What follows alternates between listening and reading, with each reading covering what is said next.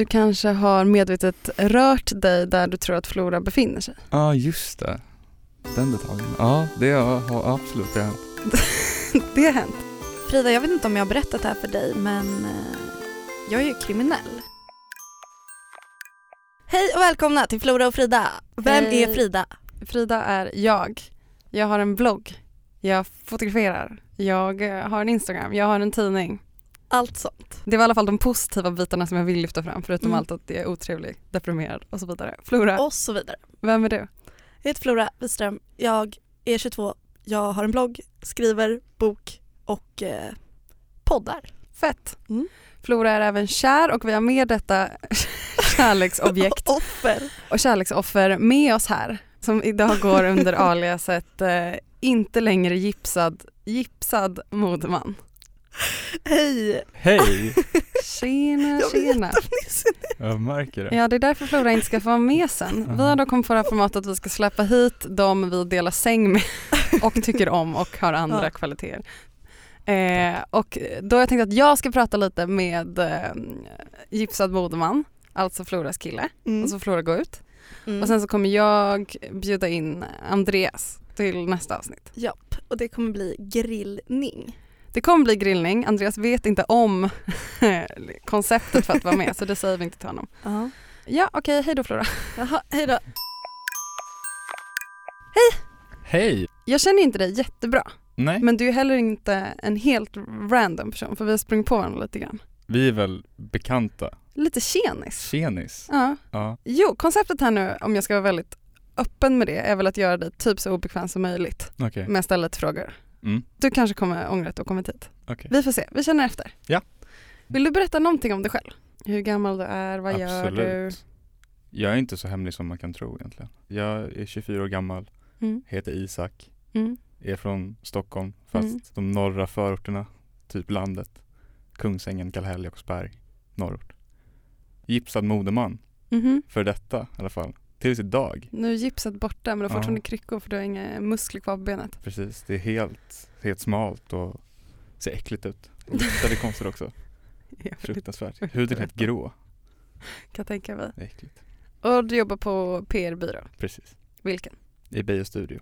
Det är väldigt få som det ringer en klocka hos Ja, men för er så kan man bjuda på den. Och vad gör du där? PR-konsult jobbar jag som. Vad innebär det? Det har jag också undrat i ett år. Jag vet inte exakt.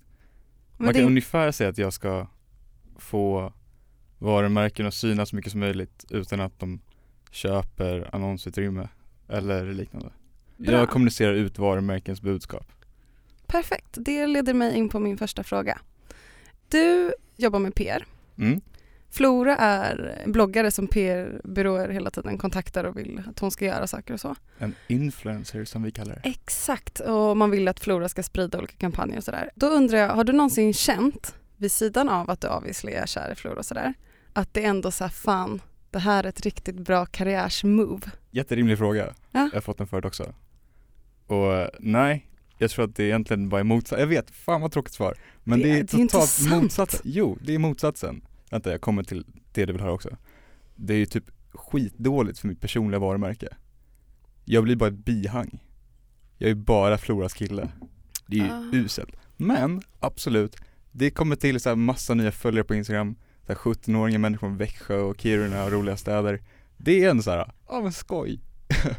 jag får 200 likes på en Instagram-bild, fick jag inte för ett halvår Jag, sedan. jag fattar, vi, vi, Yay. ska, vi ska in där också. Okej. Men ehm, de på jobbet tyckte väl ändå att det var nice när ni blev ihop för du kommer lite enklare få Flora att pusha grejer. Absolut. Det var egentligen en fråga om du gillar tanken på att hennes läsare ute i landet tycker att du verkar lite cute. Men det har du ju redan erkänt att du verkligen uppskattar Det är. Instagram-bekräftelsen. Har du då också tänkt att de personerna kan vara en bra backup om Flora dumpar dig? Nej jag tror de är för unga. Och sen nej. Okej. Och det här vet inte jag om du får säga, men jag Mm. bara undrar, vad är den högsta siffran som du vet som en bloggare har fått för något samarbete? Mm, alltså det finns ju sjuka summor. Jag vill ha en sjuk jävla summa. Okej, nej men det finns en bloggare som vill ha 80 lax för att gå på ett event. Fick det också. För att komma på Att eventet, komma på eventet. ingår det då att den här bloggaren behöver lägga upp någonting? Jag var inte med i den dealen, men det jag hört bara att hon ska vara på eventet. Jag antar att det var Instagram post också, Mm. det tar för givet att det är det. Mm. Men eh, 80 lax för att komma dit. Shit. Ja, så det finns pengar. One day. One day. One jag vet day. också ganska många, alltså jag, jag vet hur många bloggare, bloggare tjänar. Mm. Det är kul att veta. Jag har också hört att du eh, har stakat henne. Nu måste du nog berätta mer. Med att du kanske har medvetet rört dig där du tror att Flora befinner sig. Ja, ah, just det. Den detaljen. Ja, det har, absolut det har hänt. det har hänt. Alltså fördelen med att folk har Snapchat, kunna man veta vet vart de är någonstans. Det är så jävla bra. Hon är vid Medis för en så här, kvart sedan. Jag åker till Medis, Mm. går runt lite casual. Oj då, där är du. Kul. Men då, du har gjort det? Ja, ja. Har du åkt till Medis när Flora var vid Medis? Yes, Skånegatan. Verkligen hunt her down. Mhm, jag vet. Det gick ju bra. Ja, eller hur? Men det, jag vet, det är lite obehagligt. Men Stalking är ju bara obehagligt när det inte är uppskattat av båda parter. Precis. Och det är nog uppskattat av Flora, då kan man, då kan Mm. man staka lite. Mm. Jag har även förstått att du kanske har gjort, du sa att du var intresserad av henne och att du behövde anstränga dig. Vilka ansträngningar har du gjort? Vi skulle ses för andra gången tror jag, Mm. på en officiell dejt. Mm. Kvart i sju så står jag naken och ska in i duschen, får ett sms, vi ses hemma hos dig. Lite casual slänger jag ut ut sms och säger absolut, jag har lite vin hemma, kom över. Mm. Kommer på, jag har ingen vin hemma. Kvart i sju. Jag bor på lilla Essingen. Mm. Så jag slänger på mig kläder, hoppar på cykeln, cyklar till bolaget vid Västerbroplan som är stängt. Och bara, fan också. Cyklar till eh, Kinnesplan. Så jävla snabbt det bara går.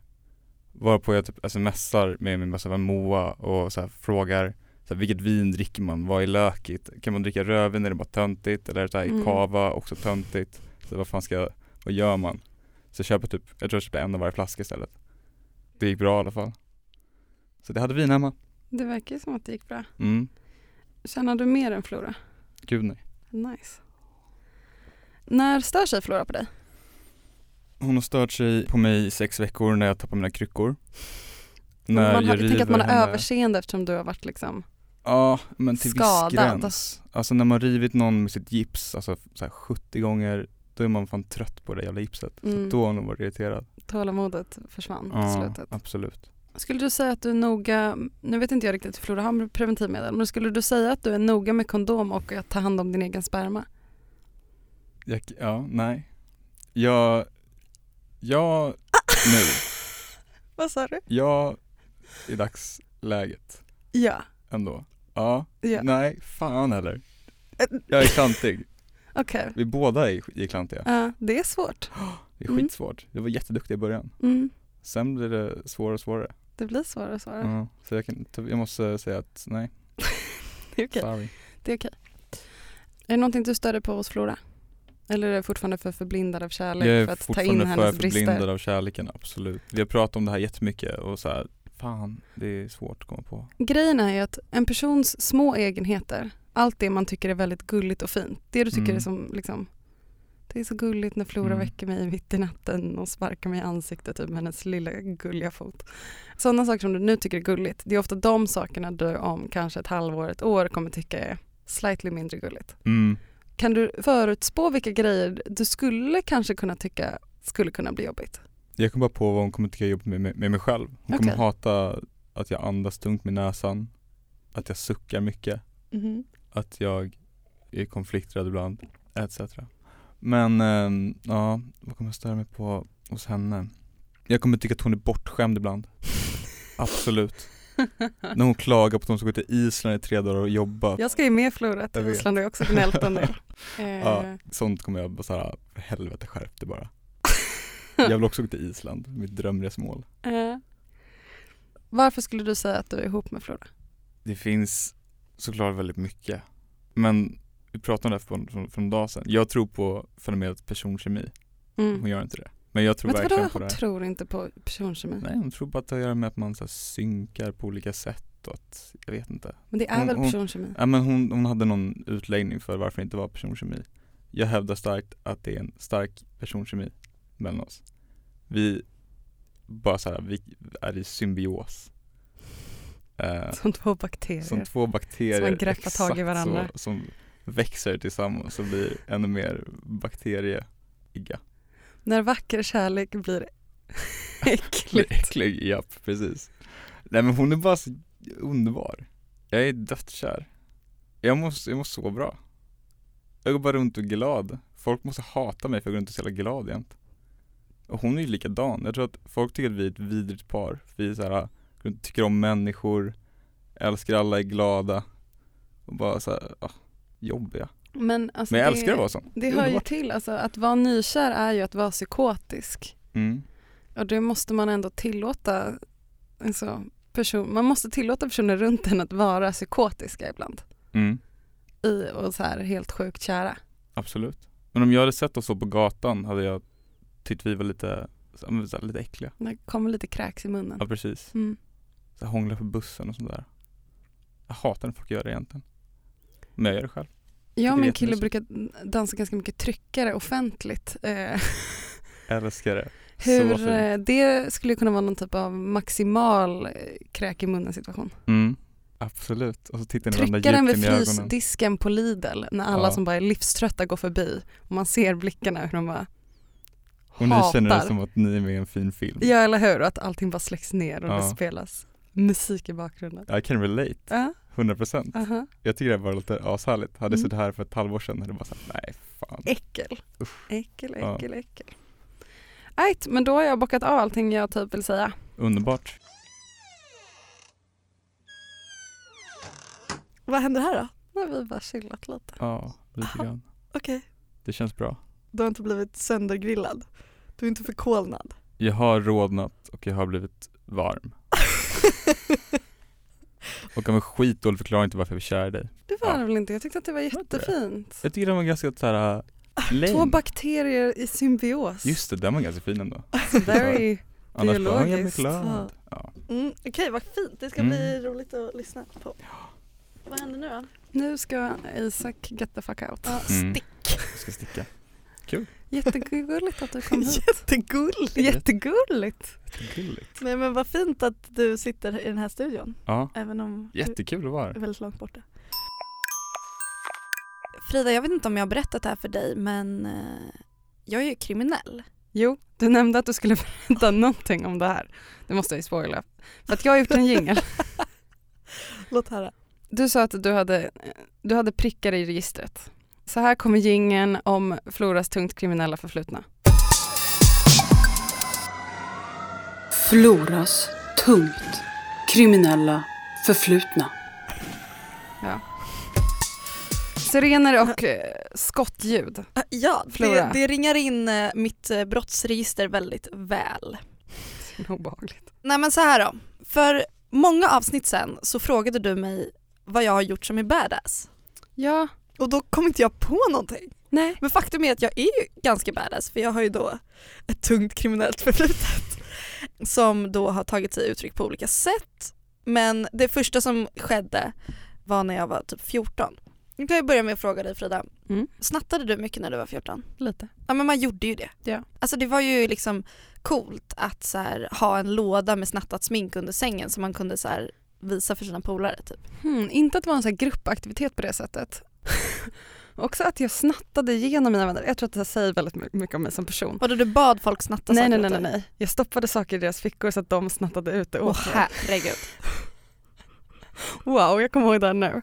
Det var så här på lunchrasten när jag gick på högstadiet och så var det något jag skulle snatta ut. Typ. Då tog jag bara det, ploppade av eh, prislappen, stoppade min kompis väska. Så, Alltså det är så utan att hon mörkt. visste så promenerade hon ut och sen fiskade jag upp det ur hennes väska. Fan jag tror redan här att du har liksom, öv- liksom ditt tungt kriminella förflutna är så mycket tyngre än mitt. Ja, jag rekryterar ju någon typ av Det är en helt så här underground maffia. värld som jag Ja. bossade över. Nej, men jag, jag snattade ett fåtal gånger bara som kick, framförallt när jag kände mig ledsen. Men inte mm, Oj! i någon större omfattning. När du kände dig ledsen? Ja, om jag kände mig ledsen så kunde jag gå in på H&M och snatta typ ett, eh, ett armband Okej. För kicken liksom. Mm. Jag var väl typ 14, hängde i en klädbutik med mina kompisar. Det här var en klädbutik som även sålde smink och sådär.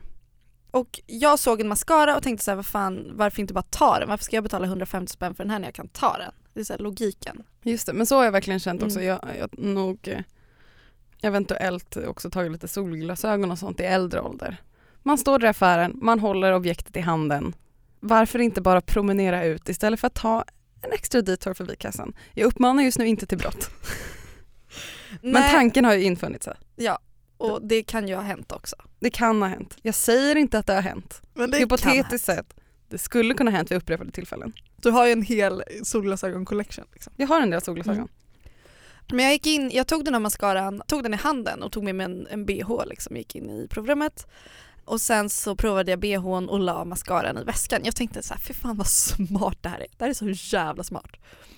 Kommer ut ur provhytten och så ser jag en jävligt snygg kille. Och jag tänker, shit, alltså inte nog med att jag så här, får en gratis mascara idag, jag får även ragg.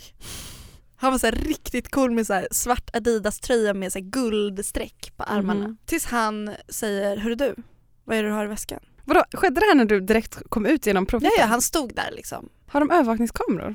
Han var ju då någon typ av civilvakt. Jag visste knappt att man fick, alltså det, för mig låter det här olagligt att ha civilklädda vakter men det kanske det inte är. Jag kände mig i alla fall helt så kall i kroppen, det var verkligen ja, men som jag hade en brain freeze som bara tog över hela min kropp. Skämdes så jävla mycket, mina kompisar kom och bara vad snackar du om? Hon har ingenting i väskan. Och det var nästan den så här, skammen jag kände tydligast, att så här, jag har snattat, mina kompisar vet inte det här. Vi, Mm. För just med de kompisarna, de var inte så snattiga av sig liksom. Personlighetsdraget snattig. Så ska jag beskriva mig själv. Och sen så sa de så här, eller sa den här killen då så här, följ med här och så fick jag sitta i bakre rummet liksom. Och det här är, bara det var en så här häftig grej att typ när man har hängt mycket på plattan så fick man liksom komma liksom behind the scenes i alla butiker så jag satt där bland alla så här på lagret liksom och typ tyckte att det var så sjukt jobbigt allting. De börjar då ringa mina föräldrar som inte svarar, min mamma är bortrest och hon föreslår att de ska ringa min morbror och jag, och jag känner bara skammen som växer i kroppen.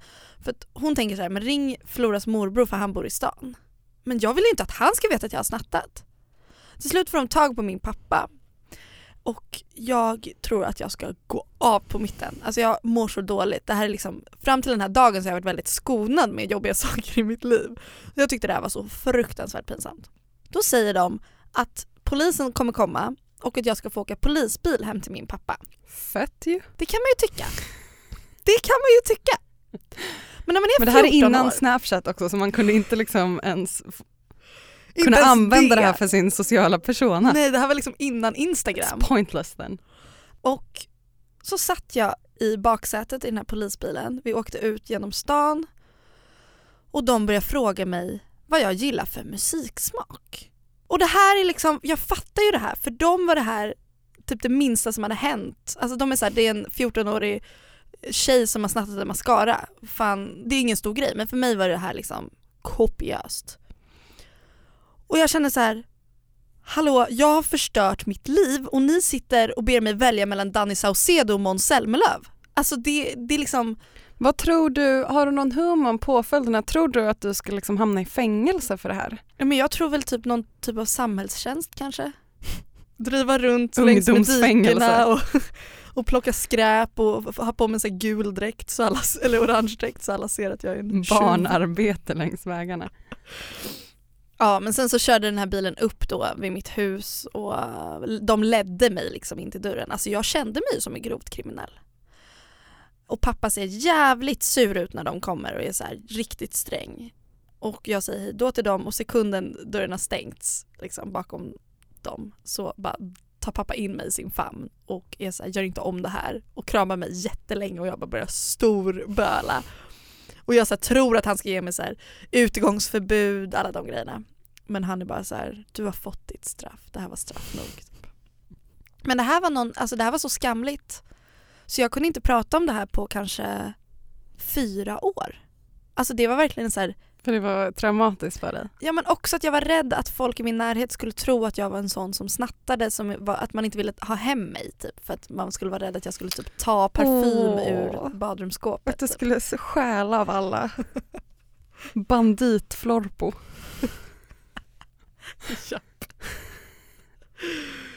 Ja.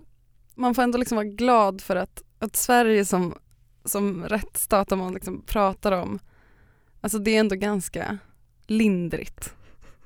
Och framförallt som mindre, eller så här snatteri, att det är Ja. liksom ändå ganska chill. Ja men det Här. borde det ju vara. Det borde vara men det ser inte, det ser inte ut så överallt. Nej. Jag har en kompis som eh, var i Thailand förra vintern och eh, hade väldigt, väldigt dåligt med pengar. Hade typ inga pengar kvar. Så hen ska gå in i en mataffär och när han kollar på priserna så bara shit, alltså jag har typ inte råd med Inte det ens här. med snabbnudlar. Nej, alltså det är, så här, det är mat öre. typ liksom. Mm. Hen plockar ihop lite grönsaker, någon sås och bara "Mä, stoppar i väskan och, och går liksom. Ja. Dålig idé. Jättedålig idé. Att försöka ta några paprikor. Då kommer butiksbiträdena, ser det här, håller kvar hen, ringer polisen. Oh, nej. Hen hamnar i fängelse. nej men du skojar. Nej. Hamnar i fängelse, har ingen tolk, får ingen advokat. Åh jävlar. Sen sitter hen i fängelse i över en vecka Men du skojar! ensam utan att få kontakta familj över julafton. Vänta det här är så, det här är så sjukt. Sen efteråt så har jag fått höra att på julafton 24 december sitter hen ensam i en cell i fängelsekläder som är typ i papper på ett kalt cementgolv vaggar sig själv fram och tillbaka och sjunger tyst för sig själv typ I wish you a merry little Christmas. Have yourself a merry little Christmas. Ensam i Thailand utan att ens liksom veta vad, alltså det finns ju möjlighet att få fängelse Alltså herregud! i flera månader. Hur gammal är den här personen? Vi behöver inte säga hur gammal den här personen men i- det här landet så är den här personen inte myndig. Och ändå ska den här personen sitta i fängelse en vecka. Ja. Men det här är så sjukt. Det finns så mycket följdfrågor. Ska jag ställa dem eller ska jag inte Du kan, ställa dem? du kan ställa dem så får vi se hur det Fick den här personen kontakta sina föräldrar? Nej, det som hände var att en person som den här personen eh, reste med hörde av sig till mig Mm. och bara din kompis hamnar i fängelse. Hen har sagt att den vill att vi inte ska kontakta hennes föräldrar. Oj. Och då var jag så här, för jag visste inte så mycket mer så då var jag så här, okej men då får vi respektera att den här personen inte vill att föräldrarna vill att den ska sitta där. För vi visste inte situationen heller, vi visste bara att den satt i häkte. Aha. Men så går det en dag, det går två dagar, det går tre dagar och vi hör ingenting. Inte ens resekompisen? Nej, vi hör ingenting. Vi vet inte om vår vän har tillgång till tolk eller tillgång till en advokat eller tvingas skriva på papper eller signera saker som den inte borde signera. Så till slut är vi så här, men nu, nu kan inte vi lyssna på den här kompisen för den vet inte sin eget bästa, nu måste vi kontakta dens familj. Så då kontaktade vi dens familj som sen fick kontakta ambassaden som sen gjorde att eh, liksom, personen fick eh, flyttas över till att bo på hotell fram tills eh, rättegången istället för att sitta inne. Åh, herregud. Det var, Men det, var blev dramatiskt. rättegång liksom? Ja, ja absolut. Jag tror han hade två eller tre rättegångar. Och vad blev straffet? Inget. Han klarade sig och fick åka hem. Åh gud det här är sån jävla mardröm. Så att man ska fan passa sig när man är utomlands i, i länder som har lite annorlunda rättssystem för att man kan eh, Det är inte bara att man sitter och snackar Danny Saucedo i en bil. Ja. Ja. Ja nu blir ju min nästa då för det mitt kriminella förflutna det där var ju bara första. Det känns lite ovärdigt att det var du som fick en vignett med pistolskott plötsligt. Verkligen! Okej men om du trodde att min kriminella bana tog slut där och då när jag snattade så tror du fel. Jag är så jävla taggad. Jag ser dig verkligen som så här. Eller jag vet inte vad du ska säga nu. Jag hoppas att det är starkare än att du snattade mascara. Go. När jag var 17 och jag och min dåvarande kille var på väg hem efter en fest mitt i natten så fick jag ett samtal från min granne. Och hon hade också varit ute och festat och hade en briljant idé. Man får mycket briljanta idéer efter, efter alkohol. Det får man. Det ska man inte sticka under stol med. Vi bodde långt ute i Nacka där människor liksom måste pendla in till stan och ta sig svintidiga bussar.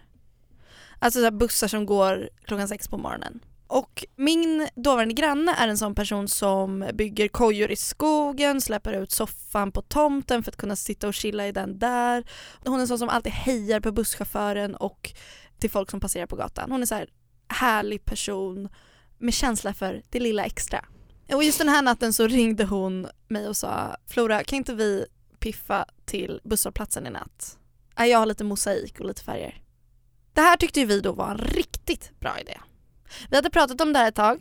Och, Var det inte eh, en våg när man var yngre också att folk typ pimpade busshållplatser? Ja men det var väl lite samma att folk- våg som det här med så, eh, virkade ja, saker. knitting, typ att Ja. man så här gorilla knitting typ eller att man satte upp eh, sånt. Det är För väldigt kom- så här harmlös eh, graffiti. Ja, eller ja, så här eh, urban art Ja. typ. Jag såg, kommer ihåg att jag såg kids som typ så släpade dit soffor och sånt på busshållplatser Mm. För att göra det fint och så blev det så här grej ny, alltså i tidningarna att, så här, att folk har piffat typ. Ja, Tanken var god. tanken var så god men rättssystemet är tyvärr inte så snällt och eh, tydligen så har folk olika åsikter om vad som är trivsamt och inte.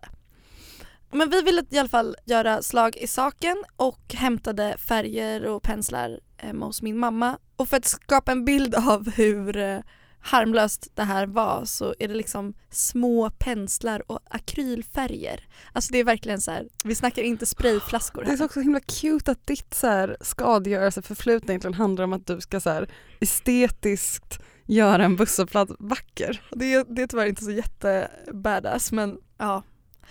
Och vi cyklade upp till busshållplatsen och eh, stationerade oss med musik. Ja, obs att vi lyssnade på Bo Kaspers Orkester, det är inte heller så jävla thug. Lite jazz.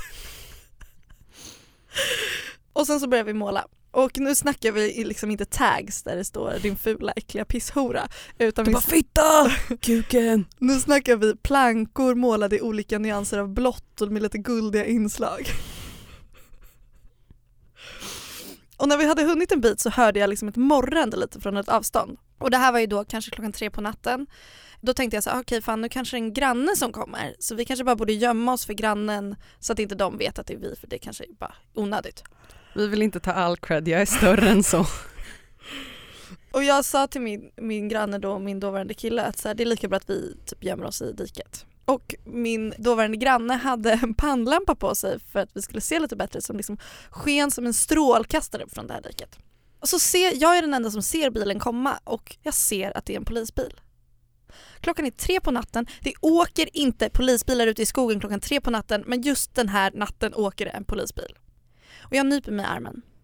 Och så säger jag hörni, det är en polisbil. Och den åker förbi. Pew, tänker jag. Pew, pew, pew. Den vänder. Den backar sakta. Backar den in. Det är så jävla kör när en polisbil börjar backa. Då är det över. Och min grannes pannlampa flashar den liksom så att den bara blänker till. Och så kliver det två, ut två poliser som säger Kom upp ur diket! Och vi kliver upp ur Med diket sin auktoritära polisiära röst. Mm. och vi, vi börjar stå där och bara Nej men vi ville bara att det skulle bli fint, vi ville bara göra folk glada. Och de säger ju då såhär, men hörni det här är skadegörelse. Det här är skadegörelse. Det finns liksom, man kan inte argumentera emot det här, ni har gjort någonting ni inte får. De tar fram kameror och ska börja så här, skaffa bevismaterial. Jag tycker fortfarande att det är helt sjukt att de tycker att det här är så här skadegörelse så jag typ så här, gör tummar upp och ser så glad ut in i kameran. Innan jag inser att jag kanske borde se lite ångerfullt så jag så här, Guilty. vänder mina uppåtpekade tummar så de pekar neråt och så här, med, ser lite ledsen ut. GIF. Först frambildade du jätteglad. Ja, Jag ska här är inte be dem göra en GIF av det här. Skadegörelse, please! Det här är fucking välgörenhet, det är så jag känner. En gåva. Och krokodiltårarna rinner. Ja, påföljden blev ju att vi fick eh, gå på möte för att stå till svars för våra kriminella handlingar och träffa åklagare och sådär. Och eh, det blev åtalsunderlåtelse vilket innebär att man inte får något straff men det finns fortfarande kvar i brottsregistret. Liksom. Och då säger också den här åklagaren så här ja man får ju vara ung och dum en gång. Det betyder alltså att min förra prick i registret precis har försvunnit och därför kommer jag undan med, med den här kriminella, väldigt kriminella handlingen. Ha! Och fortfarande när jag är där ute i Nacka så de har liksom försökt sanera den här busshållplatsen men det här handtaget som sitter på bänken som är som en sån här metallbåge den är fortfarande i guld och det känns väldigt fint att jag har gjort mitt mark där. Så thug.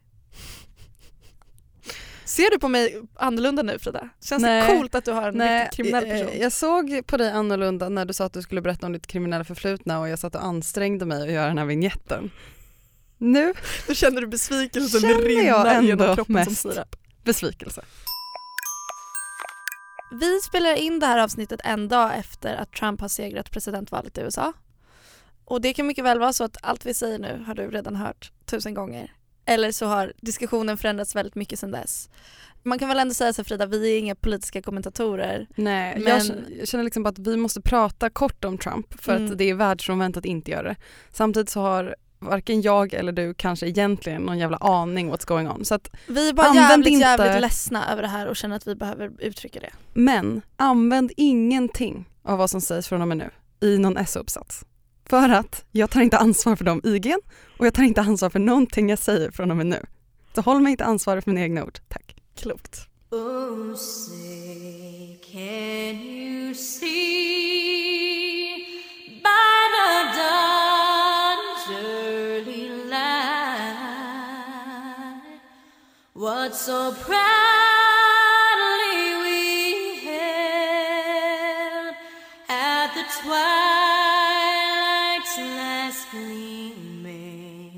Vi sågs ju igår och jag tycker hela den, hela gårdagen var så jävla overklig. Jag var så sjukt ledsen. Och en kompis till mig sa så här: jag känner mig dumpad av hela världen. Och det var typ lite så det kändes, att jag så här, glömde bort vad som hade hänt, sen kom jag på det och då blev jag skitledsen. Och sen glömde jag bort det för jag gjorde något annat, sen kom jag på det och så blev jag skitledsen. För det gör så jävla ont att det här har fått hända. Det gör så ont att en person som är på rättegång för en våldtäkt idag har blivit president i USA.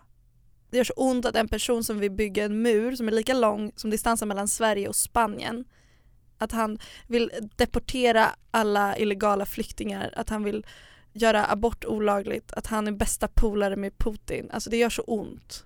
Ja, alltså jag vet inte vad man ska säga. Jag har ett klipp som jag tyckte var bra. Kör. Jag såg ett tal som Michael Moore höll om varför Trump kommer att vinna som han gjorde liksom innan valet avgjordes.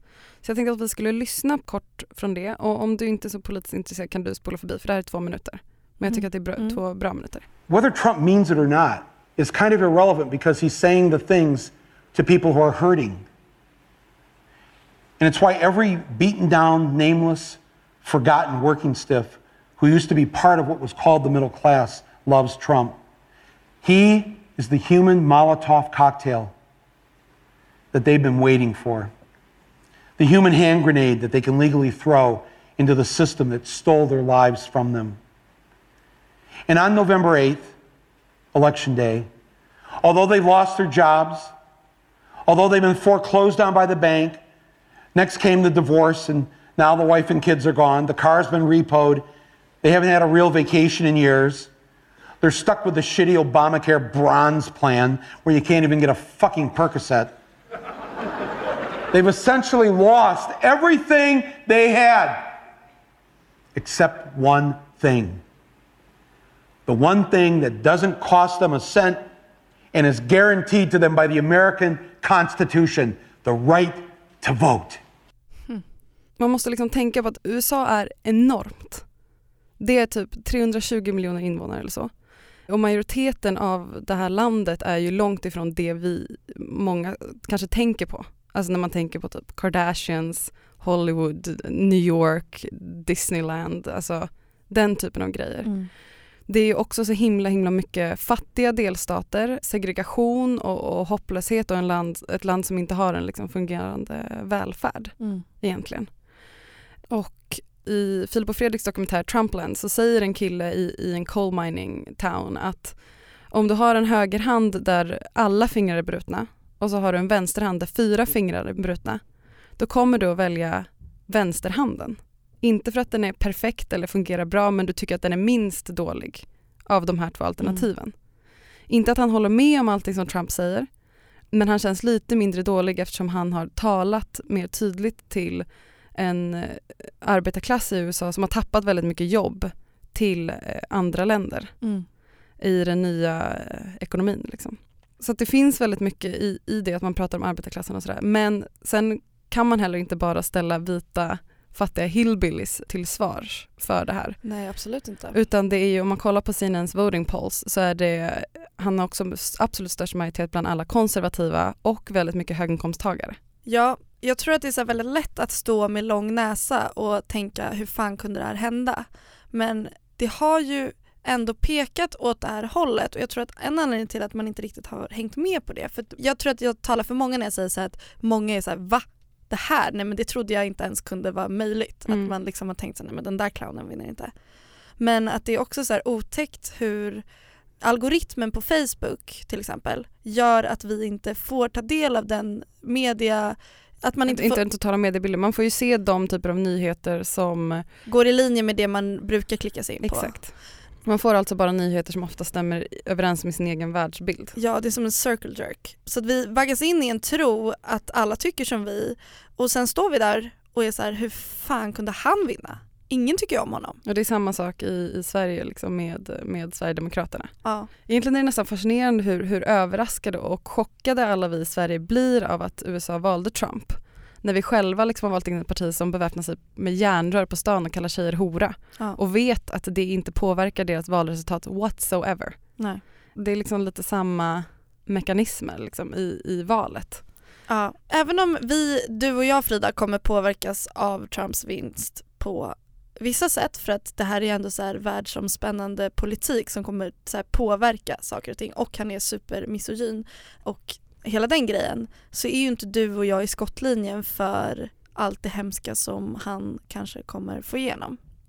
Och det tänker jag att man ändå ska ha i åtanke att så här, visst, Trumps kvinnosyn tar oss hundra år bak i tiden men du och jag är inte mest utsatta för vi är vita.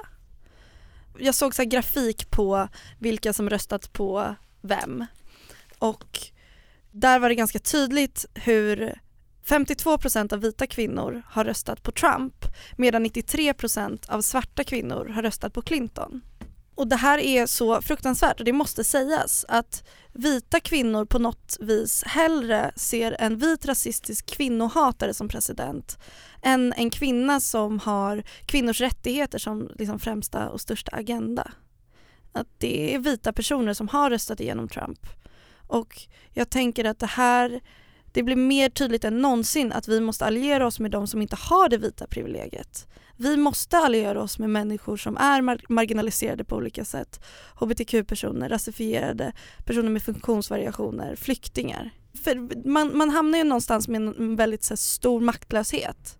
Men det man kan göra är att, ja, förutom att säga ifrån på släktkalaset när folk beter sig rasistiskt så kan man liksom engagera sig i hjälporganisationer, vare sig det handlar om att skänka pengar eller att gå med i Refugees Welcome i Sverige eller eh, Kontrapunkt eller Tjej och transjouren. Att vi måste backa de som, som behöver backas mest. Liksom. Och det finns liksom konservativa krafter, det finns religiösa krafter och det finns eh, misogyna krafter som vill ha vem som helst som inte är en kvinna liksom, Mm. vid rodret. Mm.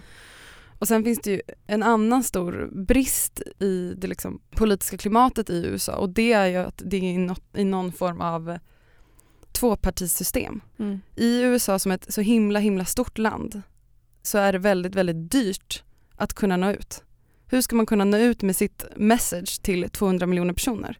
Menar, I Sverige så kan Fi kampanja med att måla stolar rosa istället på Hötorget och det blir så en kampanj Ja, ja, som, som syns i Aftonbladet och Expressen. Mm. Lycka till i USA att han målar en stol och bara ställer på en torg och bara this is my campaign. Alltså ing, det händer ingenting. Nej. Så att man måste liksom se det i relation till, hur, och det är också en grej. I USA om du ska kandidera, Fi har inga pengar, de målar stolar. I USA måste du ha enormt mycket pengar för att kandidera och det här är pengar som kommer från företag, Mm. organisationer eller privatpersoner. Och för att få de här personernas pengar så krävs det ju att man lägger fram en politik som ska gynna de här företagen.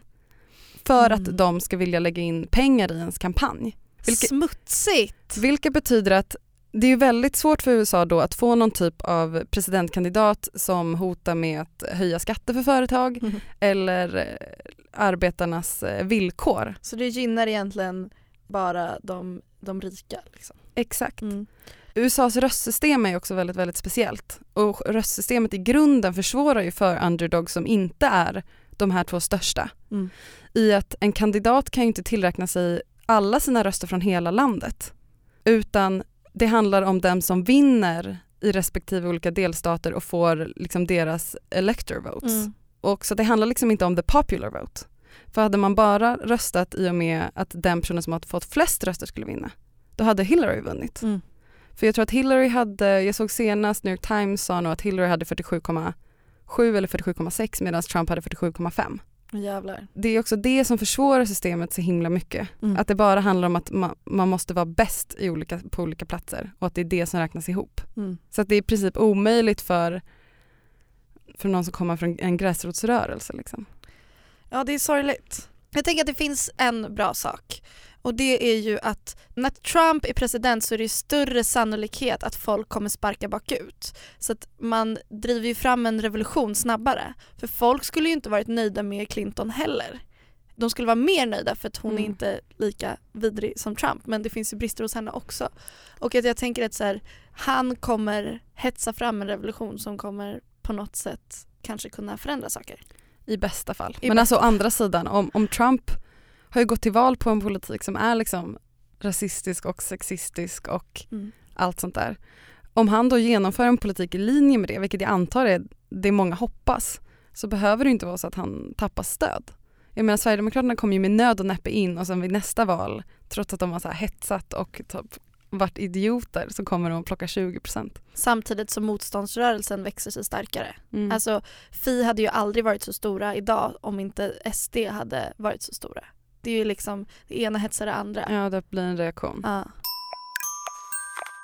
Vi har inte hunnit få några fler eh, hashtags eftersom det här avsnittet spelas in väldigt kort in på det förra eftersom vi ska till Island. Wee! Puss och kram och tack för att du har lyssnat. Glöm inte att prenumerera på podden. Och I nästa avsnitt ska vi prata om kvinnliga orgasmer. Mm, mm, mm. Bye. Men gud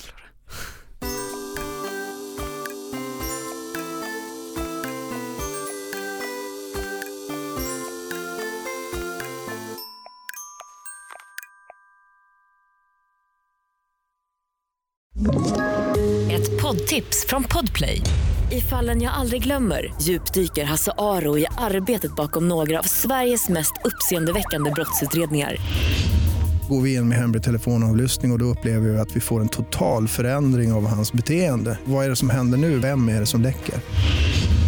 Och så säger han att jag är kriminell, jag har varit kriminell i hela mitt liv men att mörda ett barn, där går min gräns. Nya säsongen av Fallen jag aldrig glömmer på Podplay.